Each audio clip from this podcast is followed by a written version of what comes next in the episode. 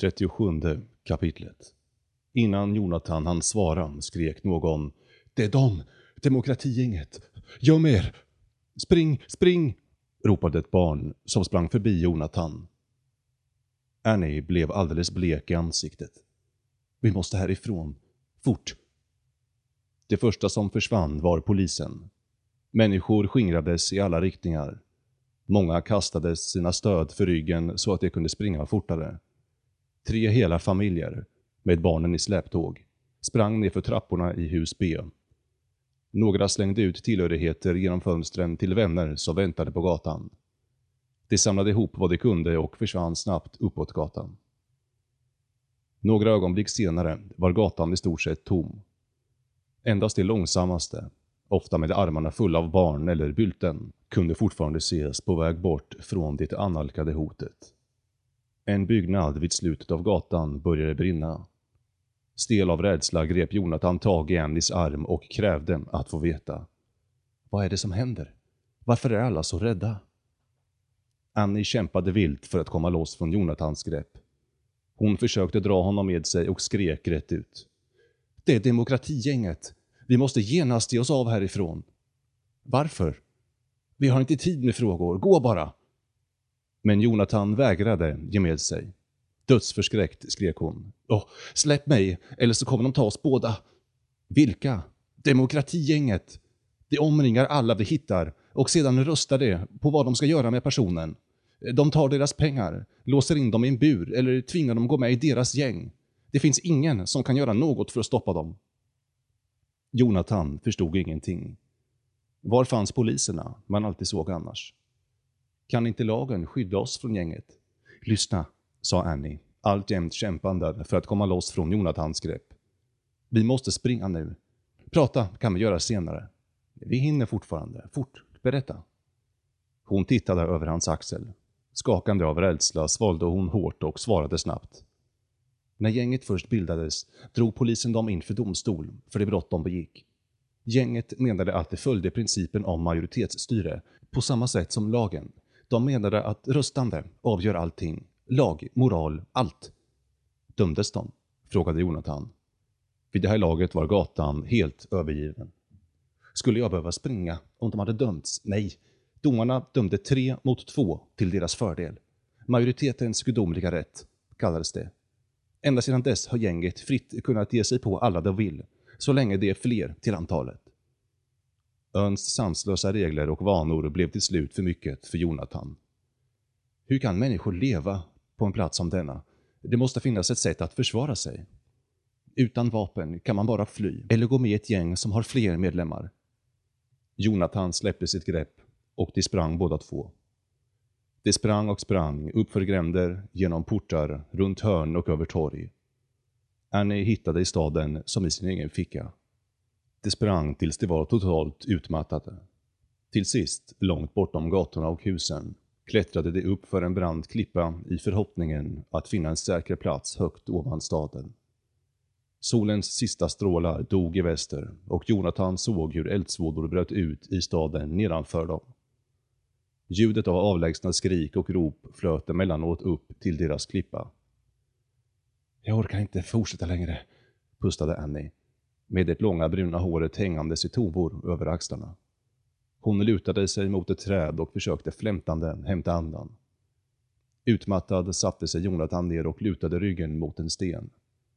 I den vansinniga flykten hade Annie rivit sönder sin klänning och tappat sina skor. Jag undrar vad som hänt med mina föräldrar, sa hon sorgset. Jonathan oroade sig också. Han tänkte på det gamla paret som hade tagit så väl hand om honom kvällen före. Och deras lilla barnbarn, Pelle. Varje individ verkade hjälplöst i den här konstiga världen. Annie. Det är synd att ni inte har ett bra råd som kan se till att freden hålls. Annie stirrade på Jonathan och satte sig bredvid honom. Du har blandat ihop allting, sa hon. Fortfarande andfådd pekade hon i riktning mot upploppen. Så länge någon kan minnas har människor lärt sig att ta saker från varandra med våld. Vem tror du lärde dem det? Jonathan rynkade pannan och svarade Du menar att någon lärt dem att använda våld mot varandra? De flesta av oss lär sig det genom exempel i vardagslivet. Varför stoppade inte Lordernas råd dem? frågade Jonathan. Rådet är våld, sa Annie engagerat. Och för det mesta används våld mot människor och inte för att skydda dem. Hon såg Jonathans oförstående blick. Det var tydligt att han inte hade den blekaste aning om vad hon talade om. Hon pressade pekfingret mot hans bröstkorg och sa Lyssna. När du vill ha något från en annan person, vad kan du göra för att få det? Jonathan, som fortfarande kände av blåmärket från rånarens pistol, svarade du menar utan att använda en pistol? Ja. Tja, jag kunde försöka övertala dem, svarade Jonathan. Precis. Eller? Eller, eller jag skulle kunna betala dem? Ja, det är en slags övertalning.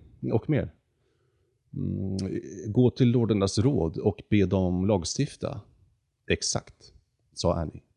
Med regeringens hjälp behöver du inte betala eller övertala folk. Får du lordernas råd på din sida, antingen genom att rösta eller att muta, kan du sedan tvinga andra att göra precis som du vill. Om någon annan erbjuder rådet mer, kan den personen tvinga dig, och lorderna vinner varje gång. Men jag trodde att det var regeringen som spetsade samhället samman, sa Jonathan. Knappast. Vem behöver samarbeta när man kan använda våld? Svarade Annie. Vilka som helst med makt kan skaffa sig vad de vill. Vi andra har bara att rätta oss efter vad de beslutar. Det är lagligt, men förlorarna blir missnöjda, bittra och fientliga. Annie pekade mot bränderna nere i staden. Se på upploppet där nere, sa hon. Samhället slits sönder av den här eviga kampen om makt. Över hela ön kommer grupper som förlorat för många val en dag att explodera i frustration. Hon satt stilla en lång stund. En tår började sakta rinna nerför hennes kind. Min pappa och jag har en speciell plats där vi ska mötas när sånt här händer. Men jag vill vänta tills bränderna lagt sig. Jonathan satt länge tyst, fullkomligt förbryllad av vad som hade hänt de två långa dagarna sedan stormen. När han väl vände blicken mot Annie sov hon redan djupt. När Jonathan såg henne sova växte en stark beundran upp inom honom. Allting med Annie var beundransvärt. Han la sig till rätta och tänkte Hon är ingen simpel Birgit Svensson. 38 kapitlet Gamar, tiggare, bondfångare och kungar. Följande morgon väcktes Jonathan av solens första strålar. Han gnuggade sig i ögonen och såg sig yrt omkring. Bortsett från några mindre rökpelare verkade staden lugn. Hungrigt letade han igenom sina fickor och fann det sista paret brödskivor. Han åt en och lade den andra under Annies hand, försiktigt för att inte väcka henne. Men hon ryckte till och satte sig upp. Jag vill kolla utsikten från toppen av det där berget, sa han. Hon tyckte att det var en bra idé, så de satte av upp för sluttningen tillsammans. Snart upphörde vägen och ersattes av klippor och de fick klättra över bit för bit genom att så gott de kunde greppa tag i små skrevor och ojämnheter. En bra stund före Annie nådde Jonathan en liten platå nära toppen. Han såg ut över staden långt där nere. Det var inte långt kvar till toppen, så han fortsatte upp för en lutning och genom en skog av små förvridna träd. Människor, sa han för sig själv utmattad. De jäklas hela tiden med varandra, hotar varandra, arresterar varandra, rånar och skadar varandra. Efter en stund tunnade skogen ut och kvar fanns bara ett fåtal buskar och därefter en hög med stora stenblock. Fullmånen kunde fortfarande skönjas i gryningsljuset, sakta sjunkande mot horisonten. Luften var sval och behaglig där han gick. Äntligen nådde han toppen. Där stod ett ensamt krokigt träd, utan några löv, och på en av de blödlösa grenarna satt en stor, svart och ful gam. Åh, nej, stönade Jonathan, som hade önskat en övergiven plats. Just min tur. Jag lämnar en dal full av gamar för att söka lugn och ro, och vad finner jag? En riktig gam. Jag är en kondor, ekade en djup, hes röst. Jonathan stillade till. Bara Jonathans ögon, stora som månen, rörde sig. Sakta undersökte han varje bit av marken framför honom. Han hörde hjärtat slå snabba slag och med darrande läppar frågade han Vem sa det? Vem sa det? härmade rösten. Den verkade komma från trädet. Jonathan studerade den gamlika fågeln.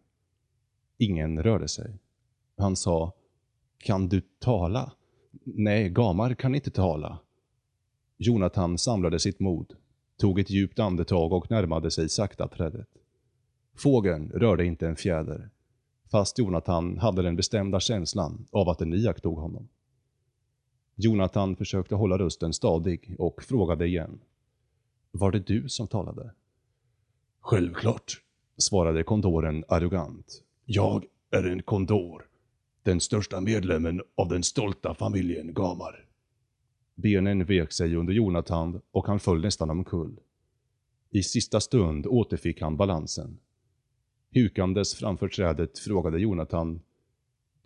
Du kan tala? Jaha, fnös fågeln. Kan du? Oftast verkar det som att det är du som inte vet vad du säger. Du imiterar väl bara, antar jag? Fågeln vände en aning på huvudet och sa med en anklagande ton. Vad exakt menade du när du sa att du lämnade en dal av gamar? Jag är, jag är ledsen. Jag menade inte att vara oförskämd, ursäktade sig Jonathan, som kände sig lite löjlig över att tala med en fågel. Det är bara att alla människor där nere alltid är så elaka och brutala mot varandra. Det är bara ett talesätt om gamar och så. De, eh, det påminner mig om, ja, om gamar. Fågeln reste på den vita kragen nedanför den nakna halsen. Jonathan nickade undergivet. Då kom Annie fram bland träden. När hon såg Jonathan tala med den stora fågeln tappade hon andan. Han finns, utropade hon. Hon sprang fram till Jonathan, tog tag i hans arm och viskade Den stora skalden finns verkligen. Jag trodde det var en myt. Jag kunde inte föreställa mig, oh, men så stor och ful. Kondoren grymtade och slog med sina vingar innan han åter satte sig till rätta på grenen. Tack för din vänliga presentation, Annie. När skalden såg hur förvånad Annie var över att han kände till hennes namn sa han du vet vem jag är. Varför skulle inte jag veta vem du och din vän Jonathan är? Annie och Jonathan såg häpet på kondoren. Jag har följt er båda en längre tid. Framförallt Jonathans mödosamma kamp på havet, sa skalden. Du är modig och förståndig, unge man, men lättlurad. Annie är mer insiktsfull. Hon förlitar sig mer till handling än till ord. Jag förstår inte, sa Jonathan. För dig är detta ett land av gamar. Om det vore sant vore det en bra mycket bättre ö än det är. Fågeln sträckte stolt på sin långa fula nacke. Du har kommit till en ö med många varelser. Gamar, tiggare, bodfångar och kungar. Men du upptäcker inte vilka det är som är ärliga eftersom du låter dig luras av titlar och ord. Du har fallit för det äldsta av trick och värderar sålunda ondskan högt. Jonathan försvarade sig. Det är inget trick.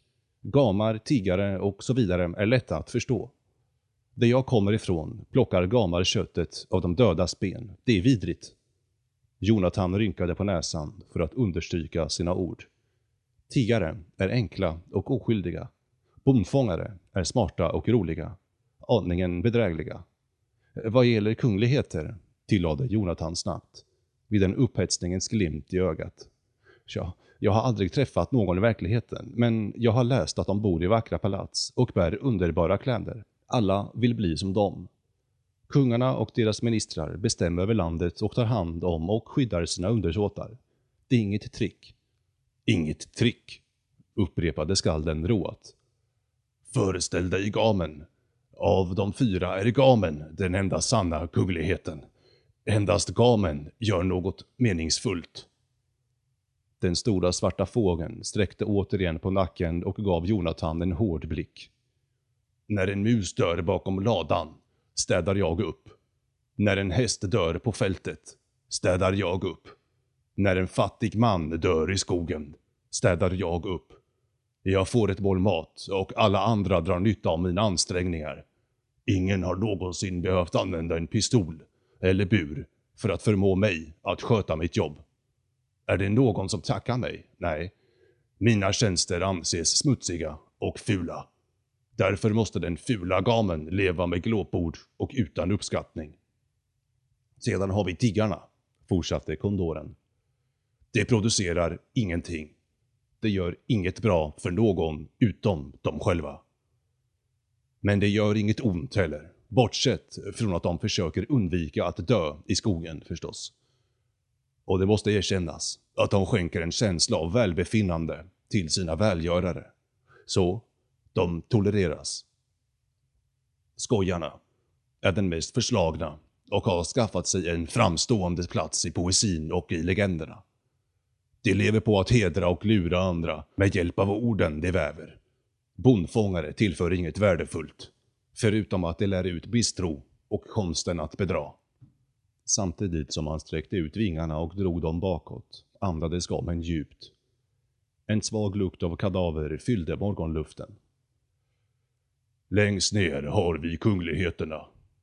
Kungarna behöver inte be eller lura, även om de ofta gör både och. Likt en rådare stjäl de frukterna av andras arbete med hjälp av våldet de kontrollerar. De producerar ingenting. Ändå kontrollerar de allting. Och du, min naiva resenär, hyllar dessa kungligheter på samma gång som du föraktar gamen. Om du såg ett gammalt monument, noterade gamen, skulle du säga att kungen var stor eftersom hans namn fanns inristat på toppen. Ändå skänker du inte en tanke till alla lik jag var tvungen att städa upp under det att monumentet byggdes. Jonathan tog sig ton. Sant. Förr var vissa av kungarna skurkar. Men i våra dagar röstar väljarna fram ledare till lordernas råd. Det är annorlunda eftersom de är valda. Skulle valda lorder vara annorlunda? Utropade gamen hest. Barn uppfostras fortfarande med sagor om kungligheter. Och när de växer upp är det kungligheter vad de förväntar sig. Dina valda lorder är inget annat än kungar för fyra år och prinsar för två. Sannerligen, de utgör en kombination av tiggare, bondfångare och kungligheter. Allt i ett. De ber eller intrigerar för att vinna röster och bidrag. De smickrar och bedrar vid varje tillfälle. De struttar runt ön som härskare. Och när de når framgång i sitt förståtliga utnyttjande blir det mindre över till oss som verkligen producerar och tjänar. Jonathan blev tyst. Han såg ut över dalen och nickade vemodigt. Jag skulle vilja åka till en plats där det inte är så. Finns det en sådan plats? Med utsträckta vingar hoppade gamen ner från trädet och landade med en tung duns bredvid Jonathan och Annie. De ryggade tillbaka med förvåning när de såg hur stor fågeln var. Skalden, som nästan var dubbelt så lång som Jonathan och Annie och med ett enormt vingspann, lutade sig över dem. Du skulle vilja se en plats där människor är fria. Där våld endast används för beskydd. Du vill besöka ett land där folkets representanter måste följa samma lagar som alla andra. Oh ja, sa Jonathan entusiastiskt. Fågeln iakttog dem båda försiktigt och hans enorma ögon borrade sig rätt igenom Jonathan för att söka efter tecken på ärlighet. Så tillkännagav han. Jonathan, klättra upp på min rygg. Kondoren vände sig om och sänkte sina breda stela stjärtfjädrar mot marken. Jonathans nyfikenhet vann över hans rädsla. Han klev upp på en av trädets grenar sträckte sig försiktigt över fågeln och drog upp sig själv till den mjuka fördjupningen mellan fågelns vingar. Sedan såg han förhoppningsfullt på Annie. Jag kan inte åka, sa hon till dem båda. Min familj söker efter mig. Någon gång vill jag resa med dig, men inte nu. Jonathan rodnade. Med ett stort leende sa han skämtsamt. Jag har fortfarande inte fått den där gratislunchen. Knappt hade han hunnit lägga sina armar runt den kala nacken förrän han kände hur fågeln spände sig. Med långa klumpiga steg sprang kondoren längs marken. Plötsligt rullade han till och så flöt det uppåt med vinden. När han vände sig om kunde han se hur Ernie vinkade. Högt ovan ön seglade de. Med vinden mot ansiktet kände Jonathan hur en våg av lycka slog över honom. Det var med glädje han lämnade ön. Bortsett från några vänner som han saknade. Bergen försvann under molnen och kondoren flög rakt upp mot den uppåtgående solens gyllene strålar. Den stora mörka oceanen sträckte ut sig framför dem och han undrade var. 39 kapitlet Terra Libertas Jonathan kände en lätt motvind mot ansiktet. Snart hade det flugit i flera timmar och kondorens mjuka vingrörelser gjorde Jonathan trött. Han drömde. I drömmen sprang han nedför en smal gata, förföljd av skugglika figurer som liknade vakter med löskopplade hundar. Stanna din busunge! Din nya nykomling! skrek de. Skräcken grep honom och han pressade desperat sina ben hårdare. En figur lösgjorde sig ur de andra. Lady Tweed. Han kände hennes andedräkt flåsande i nacken när hon sträckte ut sina feta fingrar för att få tag i honom. Tvärt väcktes Jonathan av en skarp duns. Vad? mumlade Jonathan medan han höll fast fågelns tjocka fjädrar. De hade landat på en strand som tycktes välbekant. Skalden instruerade Jonathan. Följ kusten ett par kilometer eller så norrut. Därifrån kommer du kunna ta dig vidare. Tjocka klungor med strandgräs vajade mjukt över långa gyllene sanddyner. Havet såg grått och kallt ut där det slog mot stranden. Försiktigt klättrade han ner från fågelns rygg. Då insåg Jonathan var han var. Jag är hemma, utropade han glädjefullt. Han började springa upp för den sandiga backen, sedan stannade han till och vände sig mot kondoren. Men du sa att du skulle ta mig till en plats där saker görs rätt, sa Jonathan. Det har jag, sa fågeln. Men så är det inte här, klagade Jonathan. Inte ännu kanske, men det kommer bli så när du gör det så. Alla platser, också Korumpe, kan bli till paradis när människor är fria. Korumpe? flämtade Jonathan. De flesta tror att de är tillräckligt fria. Lady Tweed låter dem tro det. Och resten är för rädda för friheten och kan inte vänta med att överlämna sig själva till storinkvisitorn. Det är bara ord, sa skalden. Frihetens riktiga prov kommer med handling. Jonathan kände sig väldigt ung. Han drog upp några grässtrån ur marken och började peta eftertänksamt i sanden. Hur borde det vara? Jag har sett problemen, men vilka är lösningarna? Kondoren lät Jonathans fråga hänga i luften medan han tvättade sina fjädrar. Då alla var rena och släta tittade han ut över havet och sa Unge man, söker du en vision för framtiden? Jag antar det, sa Jonathan. Det är ett problem. Härskare har alltid en vision som de söker tvinga in andra i. Kom ihåg att härskare inte har rätt att göra något som du inte har rätt att göra själv. Om du inte borde göra det, då ska du inte heller be någon annan att göra det åt dig. Men är inte en vision bra för att veta vart man är på väg? För dig själv, men inte för att tvinga på andra. Skalden vände sig om mot Jonathan igen. Med klorna grävande i marken i ett fritt land förlitar man sig på dygden och upptäcker processen. Tusentals varelser som söker och strävar efter sina egna mål kommer att skapa en bättre värld än du någonsin kan föreställa dig. Se till medlen först. Sedan kommer de ädla ändamålen efter. Fria människor finner överraskande lösningar och de som inte är fria finner oväntade problem. Skeptiskt frågade Jonathan. Men ingen kommer lyssna på mig. Oavsett om andra lyssnar eller inte kommer du vinna styrka genom att tala och handla. De som delar dina frihetsideal kommer att finna mod i dig. Kondoren vände sig mot havet och förberedde sig på att flyga iväg. Jonathan ropade. Vänta! Kommer jag träffa mina vänner igen? När du har skapat ditt paradis, då hämtar jag hit henne så att hon kan se. Den stora fågeln samlade sina fjädrar och sträckte sig mot vinden. Sekunder senare försvann han bland molnen. Jonathan började gå.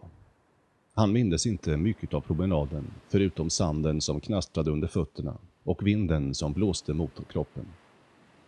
Jonathan kände igen en klippig kanal som markerade byns början. Snart närmade han sig ett hus med en affär vid kanten av hamnen. Hans hem. På verandan stod Jonathans far och virade rep med ett sorgset ansikte. Han spärrade upp ögonen då han såg sin son komma upp för gången. Jon, utropade han. Jon pojken, var har du varit? Hans röst brast och han ropade efter sin fru som var upptagen med att städa inne i husen. Titta Rita, Jon har kommit tillbaka. Vad är allt oväsen om? sa Jonathans mor, som såg ängsligare ut än han mindes henne. Hon kom ut på verandan och ropade av glädje vid åsynen av sin son. Genast tog hon Jonathan i sina armar och kramade honom en lång stund. Därpå sköt hon honom ifrån sig, höll honom på armslängds avstånd och torkade med skjortarmen bort glädjetårarna från ögonen. Var har du varit, unge man? Är du hungrig? Därpå sa hon upphetsat till sin man. Tänd brasan, Hubert, och sätt på pannan. Det var en glädjefylld återförening och Jonathan berättade för sina föräldrar om de äventyr han hade upplevt. Ibland ritade han enklare teckningar för att beskriva vad som hänt. Hans föräldrar log och skakade på huvudet, både av lycka och åt vad Jonathan berättade. Efter att han ätit en sista skiva av moderns varma paj suckade Jonathan och lutade sig tillbaka i sin stol. Den gamla affären och deras rum i bakre delen glödde i ljuset från brasan. Min son, du verkar äldre, sa hans far. Han tittade hårt på Jonathan och tillade skämtsamt. Planerar du att försvinna igen snart? Nej, pappa, sa Jonathan. Jag är här för att stanna. Det finns massor att göra häromkring. Epilog Herr Godtrogen är en vis man med många fler år än jag bakom sig. Han gav mig mycket mer än en äventyrsberättelse. Under åtskilliga månaders samtal fick jag en överskådlig beskrivning av hans spännande livsfilosofi. En filosofi som genom åren hjälpt och visat honom vägen till ett fruktbart liv. Men det är en annan historia. Icke desto mindre vill jag lämna er med följande ord som avslutar hans dagbok. Min filosofi grundar sig på principen om självägandeskap. Du äger ditt liv. Att förneka detta innebär att en annan person har större rätt till ditt liv än du själv. Ingen annan person, eller grupp av personer, äger ditt liv och inte heller äger du andras liv. Du existerar i tiden, framtid, nutid och dåtid. Detta manifesteras i liv, frihet och produktion av ditt liv och din frihet. Din välgång bestäms av det beslut beträffande ditt liv och din frihet som du fattar. Om du förlorar ditt liv förlorar du din framtid. Om du förlorar din frihet förlorar du din nutid. Om du förlorar produkten av ditt liv och din frihet förlorar du den del av ditt förflutna som ägnades åt att producera den. En produkt av ditt liv och din frihet är din egendom. Egendom är frukten av ditt arbete, resultatet av din tid, energi och förmåga.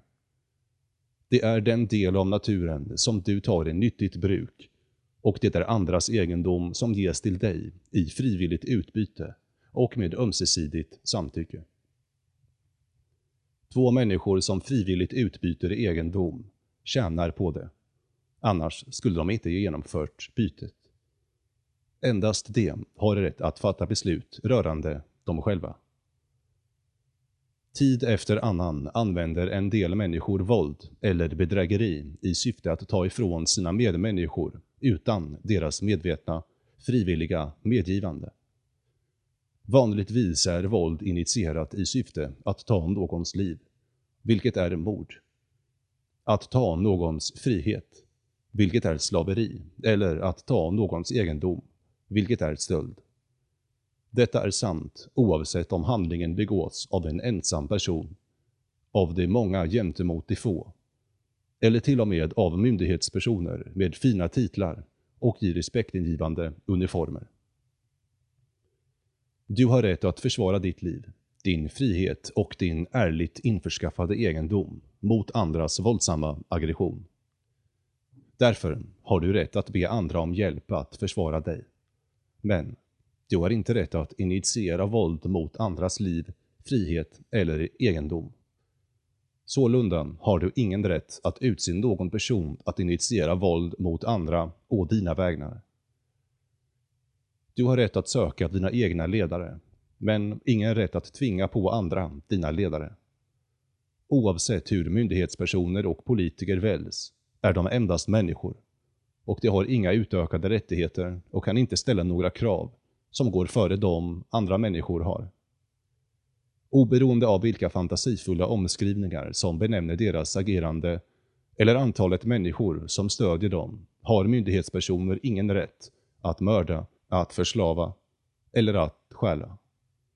Du kan inte överlåta rättigheter du inte själv har. Eftersom du äger ditt liv är du också ansvarig för det. Du hyr inte ditt liv från någon annan som kräver din lydnad. Inte heller är du slav under någon som kräver ditt offer. Du väljer dina egna mål med utgångspunkt från dina egna värderingar. Framgång och misslyckanden är både nödvändiga incitament för att lära och växa. Vad du gör för andras skull, eller vad du gör för din skull, är dygdigt bara när det sker utifrån frivilligt, ömsesidigt samtycke. För dygd kan endast existera när det finns ett fritt val. Detta är grunden för ett sant, fritt samhälle. Det är inte bara den mest praktiska och humana basen för mänskligt handlande. Det är också den mest etiska. Till problem i världen som uppkommit på grund av våld initierat av regeringen finns en lösning. Lösningen är att människorna i världen slutar att be regeringen initiera våld å deras vägnar.